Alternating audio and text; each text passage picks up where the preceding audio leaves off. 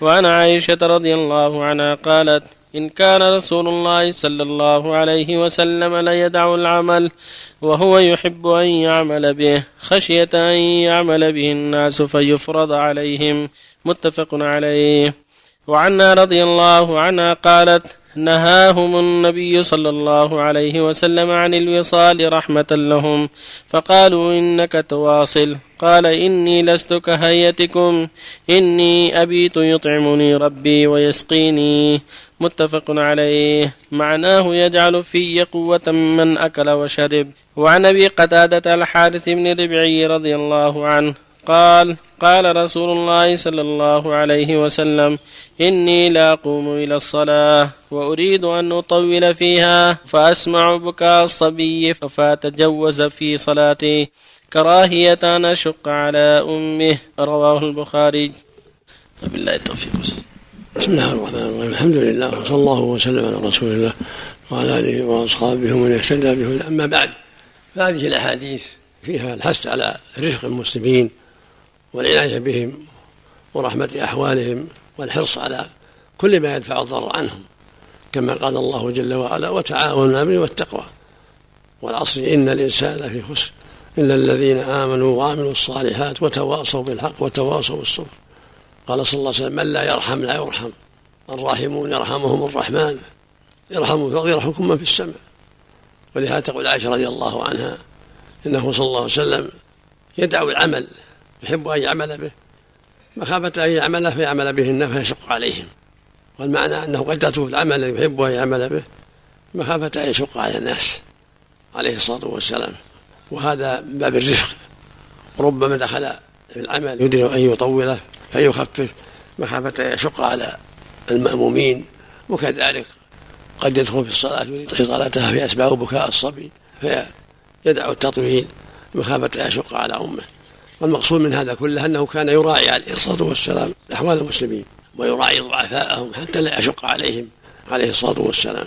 فينبغي للعلماء والأمراء وأعيان الناس أن يراعوا أحوال المسلمين بالرحمة والعطف وعدم المشقة عليهم في أمور دينهم ودنياهم حتى لا تكون هناك فجوة بين المسلمين لأن المشقة تسبب الفرقة والاختلاف ولما بلغه أن قوما قالوا أين نحن رسول الله صلى الله عليه وسلم؟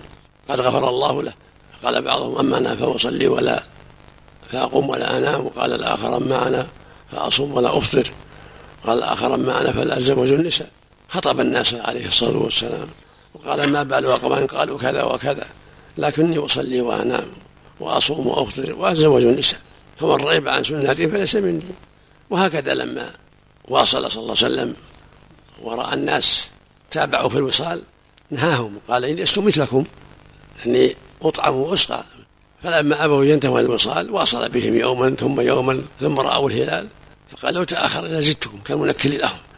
ومعنى لمطعم مطعم الصيام يعني ما يفتح الله عليه من التلذذ بالمناجاة والتلذذ بالطاعة. يقوم مقام الطعام والشراب وليس معنى كما يظن الناس انه طعام من الجنة لا لو كان يشرب من الجنة ما صار صائما.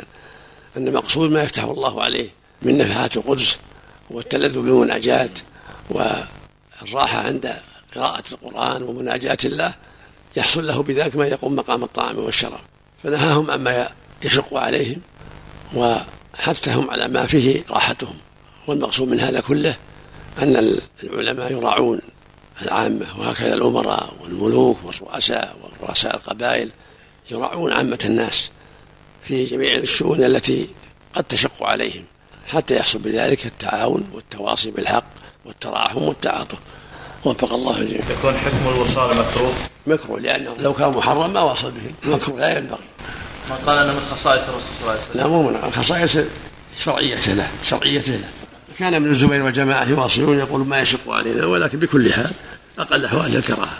لأنه لو كان محرم لم يواصل بهم. لكن لما استمروا في طلب الوصال وصل بهم يوم ثم يوم ثم رأوا الهلال. فقال لو تأخر زدتكم. دل ذلك على أنه ينبغي لهم التكلف في هذا بل ينبغي لهم قبول الرخصة. إن الله يحب أن تؤتى رخصة. أطول وقت يجوز للمسلم أن يوصل فيه إلى العشاء أم إلى السحر؟ إذا أراد أن يواصل فإلى السحر. مثل صلى الله عليه وسلم قال فأيكم أراد أن يواصل فليواصل السحر.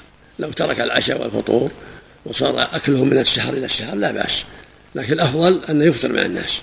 إذا غابت الشمس الأفضل يفطر ويقبل رخصة الله. يقول صلى الله عليه وسلم إذا أقبل الليل من ها هنا وأدبر النهار ومن ها هنا وغربت الشمس فقد أفطر الصائم. وقال صلى الله عليه وسلم في في الحديث الصحيح لا يزال الناس بخير ما أجل فطر ويقول الله جل وعلا أحب عبادي إلي أجلهم فطرة. هذا هو السنة. عدم التكلف. هي للجواز فحسب من السحر إلى السحر؟ جوازه والأفضل عدمه لكن لا تصل إلى حد الكراهة. لا. الأفضل نعم.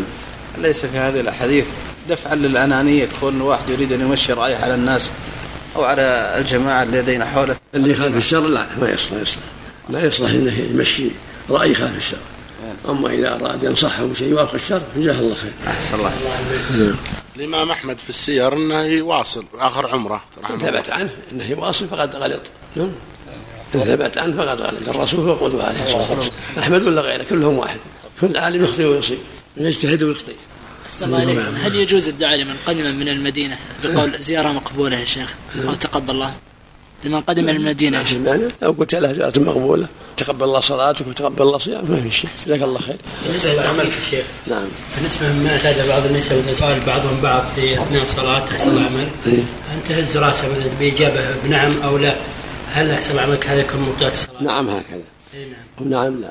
هذا أحسن الله هذا عمل أو كذا.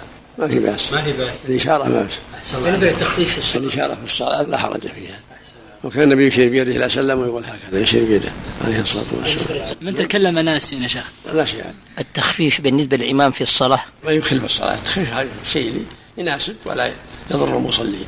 ينفع المرأة اللي ولدها يصيح أو ينفع الإنسان الذي عنده حاجة شديدة والتخفيف نسبي يتحرى فيه فعل النبي صلى الله عليه وسلم يتحرى فعل النبي في صلواته. طيب آه، الشيخ. يوافق فعل النبي صلى الله عليه وسلم. نعم. هل يكون بالاستمرارية أم يكون تارة وتارة؟ يلزم يلزم سنة النبي إلا إذا عرض عرض جزاك الله خير. بعض الناس شيخ تعود أن يقول بعد كل صلاة للي يجلس بجنبه تقبل الله. بعد كل صلاة. اعتياد مو بلازم. لا ما, لها صلة لكن إذا فعلها بعض الأحيان. وبعدين ما بلغنا عن السلف هذا. ما بلغنا عن السلف.